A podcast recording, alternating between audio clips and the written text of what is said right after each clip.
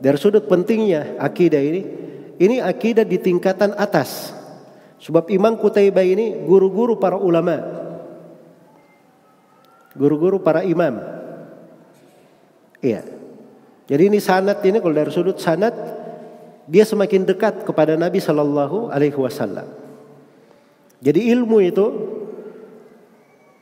air itu kalau sudah semakin dekat ke mata air itu aliran airnya akan lebih jernih dan lebih lebih murni. Dan alhamdulillah kita para salaf itu bagaikan air yang berasal dari mata air yang sama. Berjalan dari masa ke masa. Dan mata air itu selalu bersih. Airnya itu selalu bersih. Sampai hari kiamat. Karena Nabi SAW kabarkan tentang hal tersebut. La tazalu ta'ifatun min ummati zahirin al-haq la yadurruhum man khadalahum wala man khalafahum hatta ya'ti amrullah wa hum ala dalik.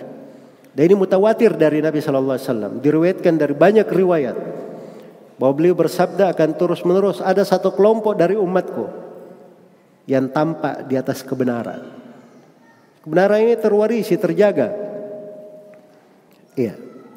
Dan saya sudah tegaskan ya bahwa pembahasan-pembahasan akidah itu itu lebih jelas di kalangan para ulama dari pembahasan-pembahasan fikih. Lebih terang dari pembahasan fikih ibadah, fikih muamalah, fikih nikah, hukum-hukum dan peradilan. Itu lebih jelas dari itu semuanya. Iya. Baik.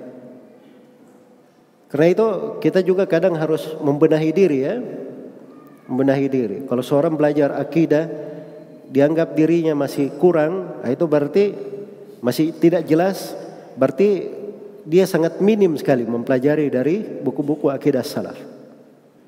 Padahal ini adalah hal yang sangat jelas dan terang di tengah para ulama. Baik.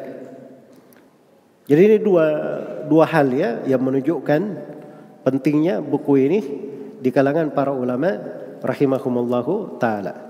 Setelah itu Qutaibah bin Said mulai menjelaskan satu persatu dari poin-poin pembahasan akidah yang beliau jelaskan itu adalah ucapan para imam, kesepakatan para ulama yang dipegang ucapannya dalam Islam dan Sunnah.